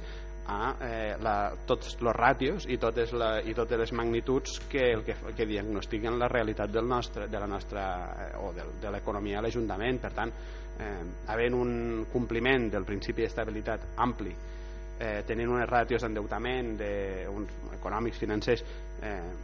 que són pràcticament òptimes eh, s'ha d'entendre que bàsicament fem aquesta inversió, esta inversió perquè la podem fer, perquè tenim la capacitat i perquè no ens estem complicant la vida i que tenim un nivell d'endeutament suficientment baix per poder-nos fer això i molt més. I que segurament l'any que ve ja ho vam estar comentant eh, a la que fem la, la propera anualitat del, de l'obra de l'auditori si per on aquelles les obres van ràpid i l'any que ve podi, el 2020 se podia dur a terme l'última acabar l'obra l'increment una altra vegada d'un any a l'altre tornarà a estar en, a, a raó d'estos 800.000 euros de, de variació d'un any a l'altre. Per tant eh, ho fem perquè tenim la capacitat de fer-ho. Si en, eh, aquest sentit treballéssim menys, siguéssim menys prolífics no haurien incompliments, per tant atenent això i que, i que segurament este PEF, tal com ja va explicar lo, tal com va explicar l'interventor, eh, les mesures correctores que es puguen derivar d'este PEF pues, ja ens fa pensar que, serà, que seran, per dir d'alguna manera, light, no? perquè al fin i al cap, eh, el moment que acabe esta obra, el motiu que, que, que provoca este, eh, este desajust, este, este sobrepa, sobrepassar este sostre de despesa quedarà atenuat, per tant Mm, coincidixo en que se li té que donar la, la importància que se li té que donar i el, i el valor que té tot i així evidentment s'explicarà les mesures que s'apliquen s'anirà a fer el seguiment de, de tot el que, que es veia acordant en l'òrgan de tutela financera i també pues, mirarem també de ser extremadament transparents i eh, escrupulosos a l'hora d'explicar eh, tot, esta, eh, tot, tot el que es deriva d'aquest incompliment. Sobre les coses que trobo a faltar eh, bueno, sí mm, no us puc explicar el que fem perquè ho fem. I perquè normalment totes les, les actuacions que fem i, tot, i tota la despesa que fem mm, és per alguna cosa i es quantifiquen en base a unes previsions, en base a una anàlisi que s'ha vingut fent els últims anys. Eh, jo no sé si el que gastem en turisme és molt o és poc. És el que creiem que necessitem i és el que el nostre municipi per la configuració del nostre sector turístic requereix. I gastar eh, pues lo triple de lo que estem gastant en, en turisme mmm, no crec que reporte més de lo que estem de lo que mos està de lo que mos està reportant el que estem fent. Tenim que tindre en compte que la inversió que es pugui fer en promoció turística o en bueno, el que sigui eh, té que servir per estimular una demanda en base a una oferta. Per sort o per desgràcia el nostre sector turístic eh, té una oferta eh, avui per avui mm, molt incipient, molt limitada. Per tant de res ens serveix eh, gastar-nos 100.000 euros en promoció turística quan tenim una demanda que no és, tenim una oferta perdó, que no és capaç de eh, donar mm, cabuda, no? de, de, de donar resposta en esta, en esta, en esta demanda que poguéssim arribar a generar. Per tant, jo crec que eh, el que es fa se fa en base també a una realitat i també tenim que ser conscients que la, la punta de llança de la nostra estratègia de promoció turística són eh, les cases. Per molt que hi hagin altres eh, actius, altres atractius i que, tinguem, que, que puguem utilitzar no, per a configurar la nostra eh, oferta turística i per a, per a posicionar-nos eh, turísticament. Però la, la nostra punta de llança que en aquest cas és les cases eh, tot i que eh, pues, eh, l'entrada en funcionament per exemple de l'Albert dels Josepets hem resolt una mancança que teníem i també ens permet articular estratègies noves eh, quan a promoció mm, té la capacitat de tracció que té i és la d'un poble de costa eh, d'aproximadament 1.000 habitants en una oferta gastronòmica molt important però en una oferta d'activitats de, de lleure molt, molt, molt escassa que intentarem treballar i de fet estem treballant en el sector per a intentar eh, interconnectar pues, eh, totes aquestes iniciatives emprenedores, eh, l'activitat que es fa a nivell de club nàutic, la gent dels Josepets, la gent que treballa a la gastronomia, la gent que planteja fer activitats de lleure per intentar, i crec que aquesta és la feina de l'Ajuntament, que és relligar tots aquests actors, intentar eh, fer-los treballar una i, i, i consolidar una oferta turística que el que fa és això, presentar-nos com un municipi on eh, tenim pues, una oferta turística que més o menys eh, pugui eh, ser atractiva. Per tant, eh, la faena jo crec que està aquí i segurament aquesta faena és més un intangible i és més una faena de relligar, d'estirar, d'assentar la gent, d'anar parlant, mm, que no pas una, una faena d'invertir molts de diners en una promoció que tampoc, eh, avui per avui, mm, tampoc no, la, la demanda que mos pogués, eh, que mos pogués estimular tampoc doncs, no seríem capaços d'atendre no? En aquest sentit jo crec que queda molt clar la feina que s'ha vingut fent en el col·lectiu gastronòmic la feina que estem fent ara eh, en el sector de l'allotjament turístic no? I, i és faena que no estava feta, que a nivell d'Alcanar no, no, no s'havia no aconseguit relligar i no s'havia lograt assentar tota aquesta gent en aquesta taula i això és el que estem fent i l'objectiu que tenim i el que per sort o per desgràcia queda molt camí per a fer és esta i a partir d'aquí. És una feina més qualitativa que no quantitativa. Tot i així en el moment que hi hagi la necessitat eh, de fer alguna inversió més de gastar més en algun d'aquests temes no tingueu dubte que els diners se troben i no serà un problema d'invertir 10.000 euros més o 10.000 euros menys. Si es determina que fan falta 10.000 euros per a fer una acció eh, hi ha la possibilitat o bé de fer transferències estan les bosses de vinculació i sempre. No, no se mos quedarà al, al, al calaix un, una acció per fer per 10.000 euros entengueu-me, vull dir, este no és el problema. Eh, també, crec, també ho has dit eh, més allà també de la despesa que nosaltres puguem fer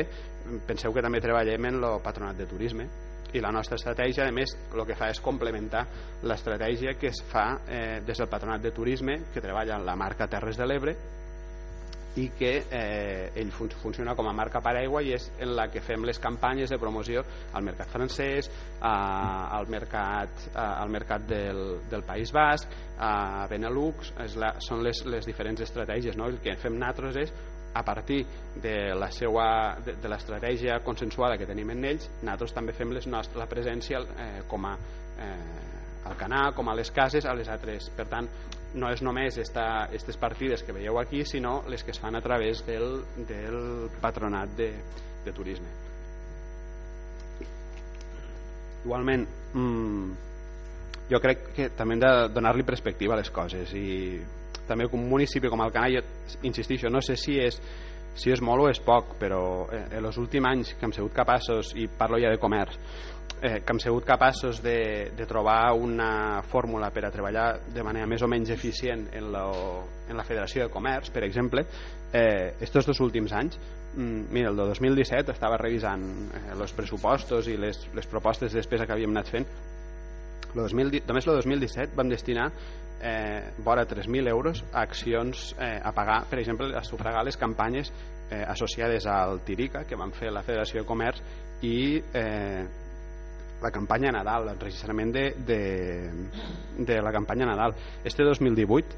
eh, han pujat fins al 4.500 on s'ha pagat també la campanya de, de promoció de Tirica de tot lo, lo dels aparadors lo, tot lo, lo, los, los, la campanya esta de les petjades que marcaven pel i també la campanya de la campanya Nadal, l'enregistrament d'este vídeo per tant, jo crec que quan, quan el sector mos ha demanat està eh, l'Ajuntament ha respost i ha posat els mitjans. Jo no sé quants ajuntaments més grans o més menuts eh, quan la Federació de Comerç diu ei, necessitem fer això o fa el plantejament que ha fet nosaltres que és el que volíeu invertir vosaltres ho invertirem nosaltres crec que mm, no pot haver queixes en aquest sentit. Quan s'ha demanat la col·laboració de l'Ajuntament per, a, per a invertir en campanyes l'Ajuntament ha estat i la prova és això. I, i si parlem en termes d'increment doncs mira, respecte del 17 respecte del 18 l'increment ha sigut del 50% segurament no havia una, una partida específica per fer la campanya Nadal però els diners s'han posat i quan els han demanat per a fer aquestes actuacions les han fet. I la mateixa lògica crec que és la que regís la relació en el sector de, de, en el sector agrari. Eh, si el sector agrari mos, mos demana ajuda eh, l'Ajuntament estarà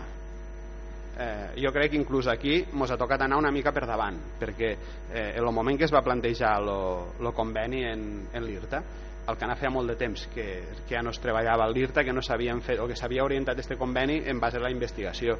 Nosaltres vam dir que la investigació estava molt bé que, però que en aquests moments eh, el tema de la investigació al poble havia quedat una mica ja eh, resolt i que havien empreses privades, en aquest cas cooperativa i alguns vivers, que estaven tenint un conveni en ells per investigar tema de peus, tema de varietats i tal. I nosaltres ens vam centrar en el que creiem que era la nostra responsabilitat, que era eh, la professionalització del sector. I el repte que té la, la citricultura, més enllà del, de la problemàtica comercial que puguem tindre eh, per aquests acords eh, en la Unió, en la, de la Unió Europea en Sud-àfrica i això que ens ocupa aquests dies, el problema que tenim a la citricultura, entre altres, és la professionalització del sector. I aquí va ser on vam invertir. em plantejar una, un, un seguit d'accions que servisquessin per a que, pues, per a que des de l'IRTA, els tècnics especialitzats, eh, ens ajudessin a formar, a professionalitzar, a millorar la capacitació dels nostres pagesos. Com? Pues, en cursos per a optimitzar els tractaments via eh, els atomitzadors o la maquinària que utilitzen, en detectar eh, plagues, eh, anar a conèixer noves varietats, etc etc etc. mantindre cobertes mm, vegetals, plantejar sistemes culturals que permetin d'alguna manera aplacar les, les plagues. Jo crec que la faena que, que han fet ha sigut esta, invertir aquí perquè podem invertir el que podem invertir i tant de bo moltes vegades poguéssim posar diners per a fer segons quines coses però tenim la capacitat que tenim i ens de posar-nos en un embolic i posar diners en algo que després se mos acuse de prevaricació o de malversació de fons públics, posarem diners on creiem que els podíem ficar i on eren productius. I segurament el retorn, i torno a lo que deia abans, el retorn d'estos diners que, puguen ser, eh, que es puguen destinar a la formació, a la professionalització, la, la capacitat multiplicadora d'aquestes accions és molt més gran que ajudes directes, per exemple, per arreglar un marge, per entendre-nos. A nivell d'impacte global, la feina és esta. I insistixo, si des del sector se mos demana escolteu, és que s'hauria de fer això, s'hauria d'anar allà, s'hauria de mirar, evidentment que estarem, i els recursos estan i la capacitat la tenim per a fer-ho. El que passa és que fins ara, en el sector agrari, sempre hem hagut d'anar una mica a nosaltres preguntant i no hem tingut tant la proactivitat per part del sector i, i, i ara sobretot en, a partir del tema dels a partir del tema dels aiguats eh, doncs, bueno, com ha sorgit aquesta necessitat hem tingut la possibilitat d'assentar-nos i de parlar amb aquesta gent i de que veure que l'Ajuntament no és només una cosa que està allí que només ens complica la vida, sinó que l'Ajuntament quan fa falta s'assenta la gent, escolta i aquí té que haver un intercanvi important d'informació, de, de valoracions i és el que, que ens té que permetre avançar. I en aquest sentit va ser quan vaig explicar l'altre dia precisament quan parlàvem lo dels camins pues este procés que tenim per davant de decidir com s'ha d'articular la nostra xarxa de camins, com s'ha de organitzar, com s'ha de dimensionar, què té que prioritzar esta feina l'hem de fer en ells en tots els grups del ple però sobretot en el sector. I jo crec que ara hem començat a, i sobretot possiblement a partir de la credibilitat que vam guanyar eh, com a administració, i parlo de tots, eh, no parlo de govern, sinó parlo de tots, eh, en el moment de donar resposta ràpidament a reparar camins perquè la gent pogués seguir fent la seva feina, mm, com a mínim se mos, prenen, se mos pren prou en sèrio per entendre que som interlocutors vàlids a l'hora de plantejar segons què i que la gent se l'escolta i que té utilitat eh, treballar a l'Ajuntament. Pues bueno, en, en això estem i evidentment no tingueu dubte que si fan falta diners per arreglar camins vinguen o per arreglar una urgència imminent no patigueu que els diners els trobarem. Vinguen de fora o no vinguen de fora perquè de fet totes les actuacions que es van fer per a solucionar mm, totes aquestes mm, urgències no van vindre de fora, teniu clar. Van sortir dels diners del poble i es va pagar la gent del poble. Per tant eh, els diners i la predisposició a treballar estaran encara que no estiguen explicitats via, via partides Eh, el tema dels quinquenals eh, és una partida important. Jo també aquí vos, també us vull fer una reflexió. Jo crec que les quinquenals possiblement sigui la, un dels principals atractius que tingui el nostre poble invertir en quinquenals eh, i a més jo crec enguany o de cara al 2019 en el plantejament que s'ha fet a nivell d'imatge, la professionalització que s'està intentant, en la que s'està intentant treballar, com s'està articulant tot, com estan treballant a nivell de, de, projecció, de projecció exterior i seran campanyes que es començaran a veure ja mm, a principi d'any.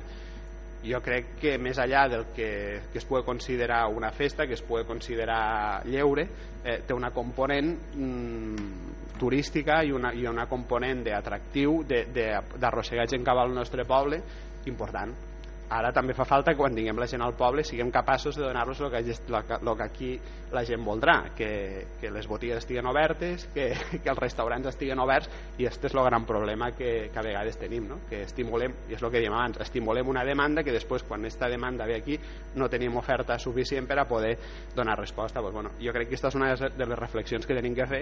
Jo crec que les quinquenals més enllà de considerar-les una despesa les hauríem d'entendre al mínim, com a mínim parcialment com una inversió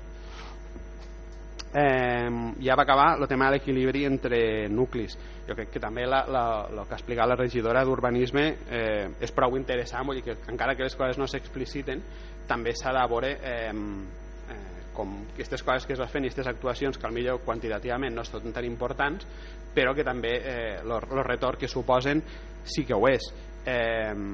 i aquí feix jo una altra reflexió. Normalment les, les inversions directes o, o normalment van associades a disposar d'unes infraestructures municipals allà, és lo de posar l'oficina delegada, perquè tenim una infraestructura a la que podem invertir. Si tinguéssim més infraestructures, podem invertir. Que, clar, al fin i al cap la distribució d'aquestes infraestructures i la, de, i la distribució demogràfica és la que és. Per tant, més enllà de fer actuacions eh, orientades a millorar la, la, la percepció, la, la imatge, no? pensant sobretot en el turisme i coincidixo molt en, en esta lectura, també se, se li té que donar la, la perspectiva esta del, del pes demogràfic, on estan les, on estan les infraestructures grans, on estan les, les, les necessitats reals, més allà d'aquestes inversions que es puguen fer, que crec que coincidim tots a l'anàlisi i, la, i la regidora d'Urbanisme ho ha explicat bé, que és aquestes accions puntuals que el que em permeten és pues, millorar no, la, la imatge eh, i sobre tam i també eh, sobre el tema de la despesa jo crec que eh, sí, és cert que, que el, potser hi ha un cert desequilibri en aquesta inversió però per exemple valoracions, ja que parlem de turisme jo crec que el 80% de la despesa que es fa en turisme està orientada precisament a les cases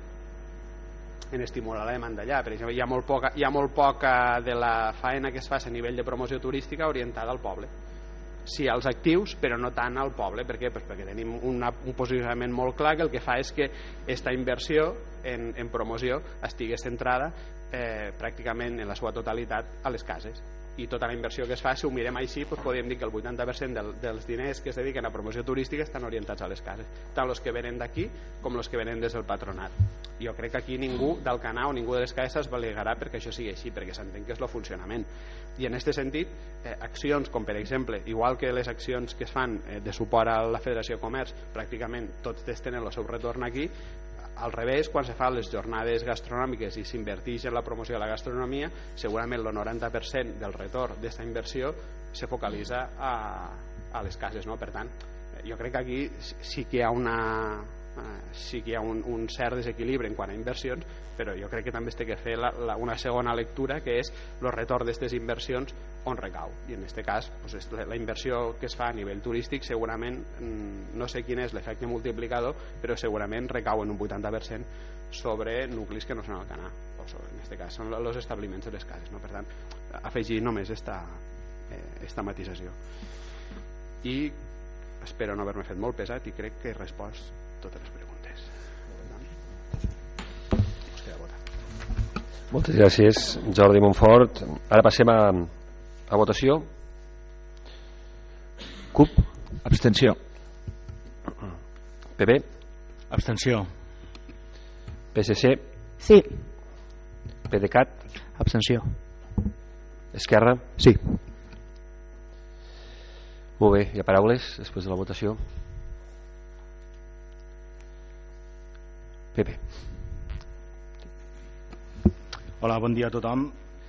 Eh, en primer lloc, alegrar-me de que el, 2000, el 2009 es començarem en lo, en lo pressupost que toca i reconèixer el treball que s'ha portat a terme des de des d'intervenció i el regidor d'Hacienda que, perquè això sigui possible. A veure, eh, estos entre el dijous i el divendres de la setmana passada se mos, fe, se mos va fer arribar tota la documentació. El dilluns vam fer la, la comissió informativa en la qual se mos va donar tot tipus d'explicacions, vull dir, no va quedar res al tinter, o sigui, se va explicar tot molt bé. I avui dijous s'aproven. Però aquests pressupostos són uns pressupostos que no s'ha buscat ni el pacte ni el consens perquè poguessin ser aprovats per la majoria de, dels grups d'aquest Ajuntament. Pressupostos que s'han fet, s'han presentat, s'han explicat i s'han votat. Per aquest motiu és el motiu de l'extensió, no? perquè són uns pressupostos que suposem, i espero, que seran bons pel municipi, però en els quals el Partit Popular no ha tingut mm, res que dir ni res que fer. Res més, gràcies. Molt bé, moltes gràcies, senyor Fornós. PSC. Bon dia a tothom. Eh, primerament voldria donar les gràcies al regidor Jordi Montfort i al senyor alcalde per haver acceptat la meva petició de retrasar mitja horeta este ple per a poder compaginar la nostra feina de mares en la feina aquí. Eh, referent als pressupostos, eh, nosaltres és un sí, perquè a part de que se'ns ha fet partíceps i, i se'ns ha tingut en compte, eh, són uns pressupostos que van encarats a la, a la gent del poble i, i al poble, a les millores del poble, i com a socialistes no, no podem donar l'esquena. Eh, sabem que, que el nostre sí no és necessari per a l'aprovació dels pressupostos, això ho tenim claríssim, però el que volem que la gent sàpiga és que nosaltres estem aquí per a, per a sumar i sempre que se mire al ciutadà i al poble direm que sí. Gràcies. Molt bé, moltes gràcies. I les paraules? Sí, senyor Queral. Sí. Eh, no, gràcies. No, dir que la, la nostra abstenció és, eh, és perquè evidentment són, no són uns mals pressupostos eh, hi ha inversions en, com ha dit els companys que estem d'acord i després eh, pues, eh, lo que en algunes partides que vostès no, pues, eh, són, li donen més importància la, la diferència és que vostès fan els seus pressupostos no? i pues, al millor en algunes partides vostès fiquen una mica més d'èmfasi nosaltres ficaríem menys i aquí està aquesta divergència de l'abstenció. En, en, en general són uns, són uns pressupostos eh, que estan, estan, com hem dit, molt clars. Eh, les inversions, alguna d'elles eh, estem tots d'acord. Per tant eh, un vot contrari no tindria cap sentit i la nostra abstenció és pues, perquè pues, ficaríem l'èmfasi en altres partides i, i ja està. I per això tampoc és una cosa que s'ha de treballar i com no ho han treballat pues, tampoc eh, no és una abstenció. Ja està. Molt bé, moltes gràcies senyor Montfort. Jo, pues, agrair l'interès i les aportacions constructives eh, a tothom. Jo sobre el, el comentari del, del company del, del PP jo crec que s'ha explicat sobradament eh, que, que suposa fer uns pressupostos la, la dificultat eh, afegida que suposa incorporar també eh, propostes que, que venen de fora. No obstant això jo crec que ho, he, ho hem dit enguany ho hem dit eh, quan se mos ha preguntat ho hem dit tenir, quan mos hem trobat eh, pel carrer si, si hi han eh, propostes nosaltres estem encantats de, encantats d'escoltar-les i de tindre-les en, en consideració com eh, ho han fet sempre i de fórmules n'hi ha mil i no, no en este mandat però el mandat anterior eh, me consta que va haver bona predisposició i bona entesa per part de, tant del govern d'Esquerra com del PP per entendre's en punts eh, en uns determinats punts que van acabar eh, crec que en aquell moment en, en l'abstenció per part del,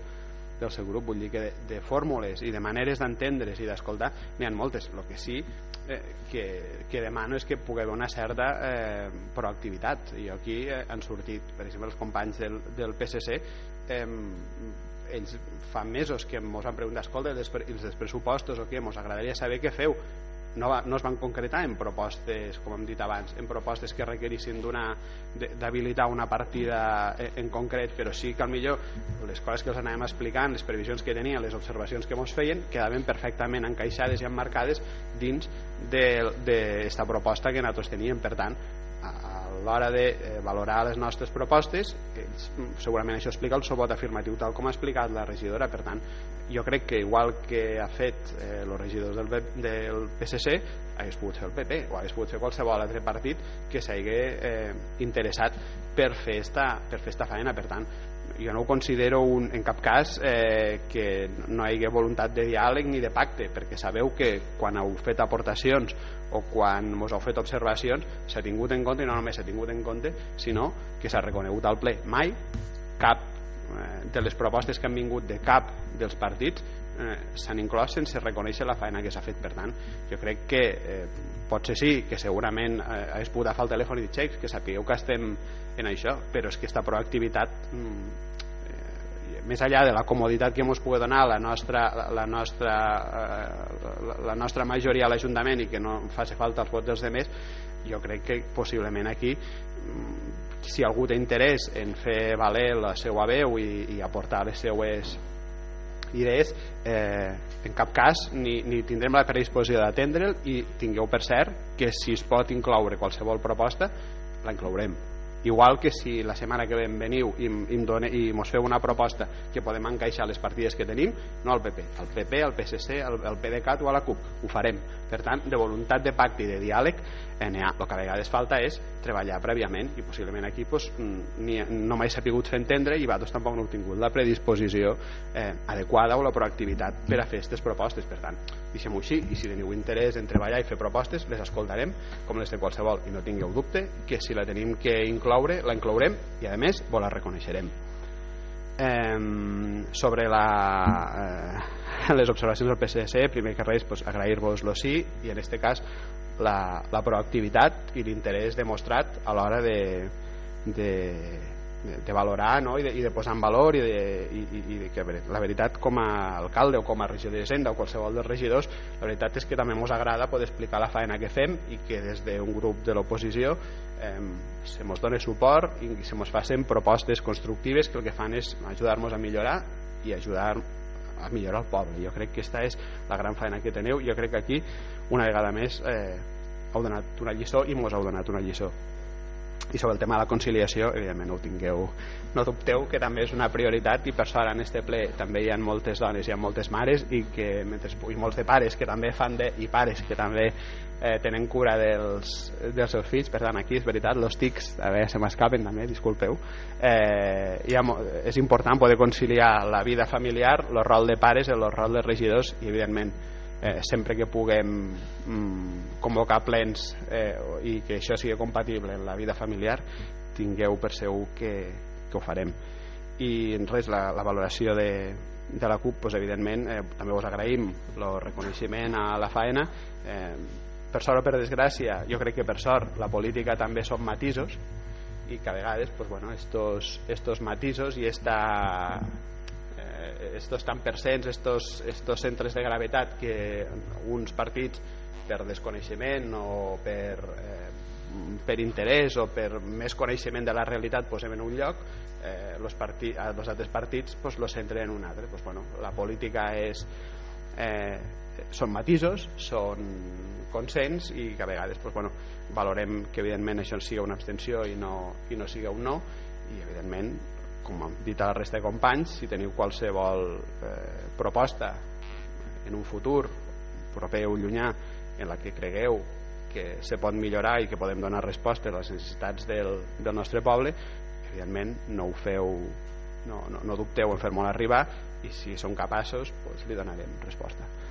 Per tant, eh, agrair de nou a, a tots eh, les contribucions, l'interès també eh, abans ahir ens vam també trobar un momentet els companys del PDeCAT i també vam poder eh, debatre una mica i, i, i poder-los explicar també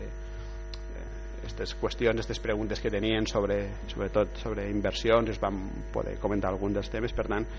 gràcies eh, a tothom per l'interès, recordar de nou que les portes dels nostres despatxos pues, seguiran obertes per escoltar, eh, per resoldre els dubtes, per fer-vos aclariments que tingueu i en definitiva pues, entre tots seguir treballant per fer millor el nostre poble. A tothom, moltes gràcies. Molt bé. Moltes gràcies senyor Montfort. Bueno, donem ja per finalitzat este punt. Eh, és el primer pas abans d'aprovar definitivament els pressupostos. Ara els sotmetrem a exposició pública mitjançant la inserció de l'acord, dels acords presos al ple al butlletí oficial provincial i després també al tauler de l'Ajuntament i a partir d'aquí durant 15 dies estarà en exposició pública. Si no hi ha delegacions llavors ja sí que quedaran aprovats definitivament eh? antes d'acabar felicitar als Nadals els Nadals a tots els casencs, casenques, canadeus, canadeves i tota la gent del Canaplatja és uns moments per a retornar a la il·lusió de quan érem menuts i també per a disfrutar del caliu de les famílies, és important, esperem que tothom ho pugui fer. I també pues, eh, desitjar-vos a tots i a totes un pròsper any nou ple de desitjos importants un ja l'hem complert, que és aprovar uns pressupostos en aquest Ajuntament el mes de desembre sense cap vot en contra. Això ja és un regal magnífic per aquests Nadals. Per tant, moltes gràcies a tots i a totes. Eh? Gràcies.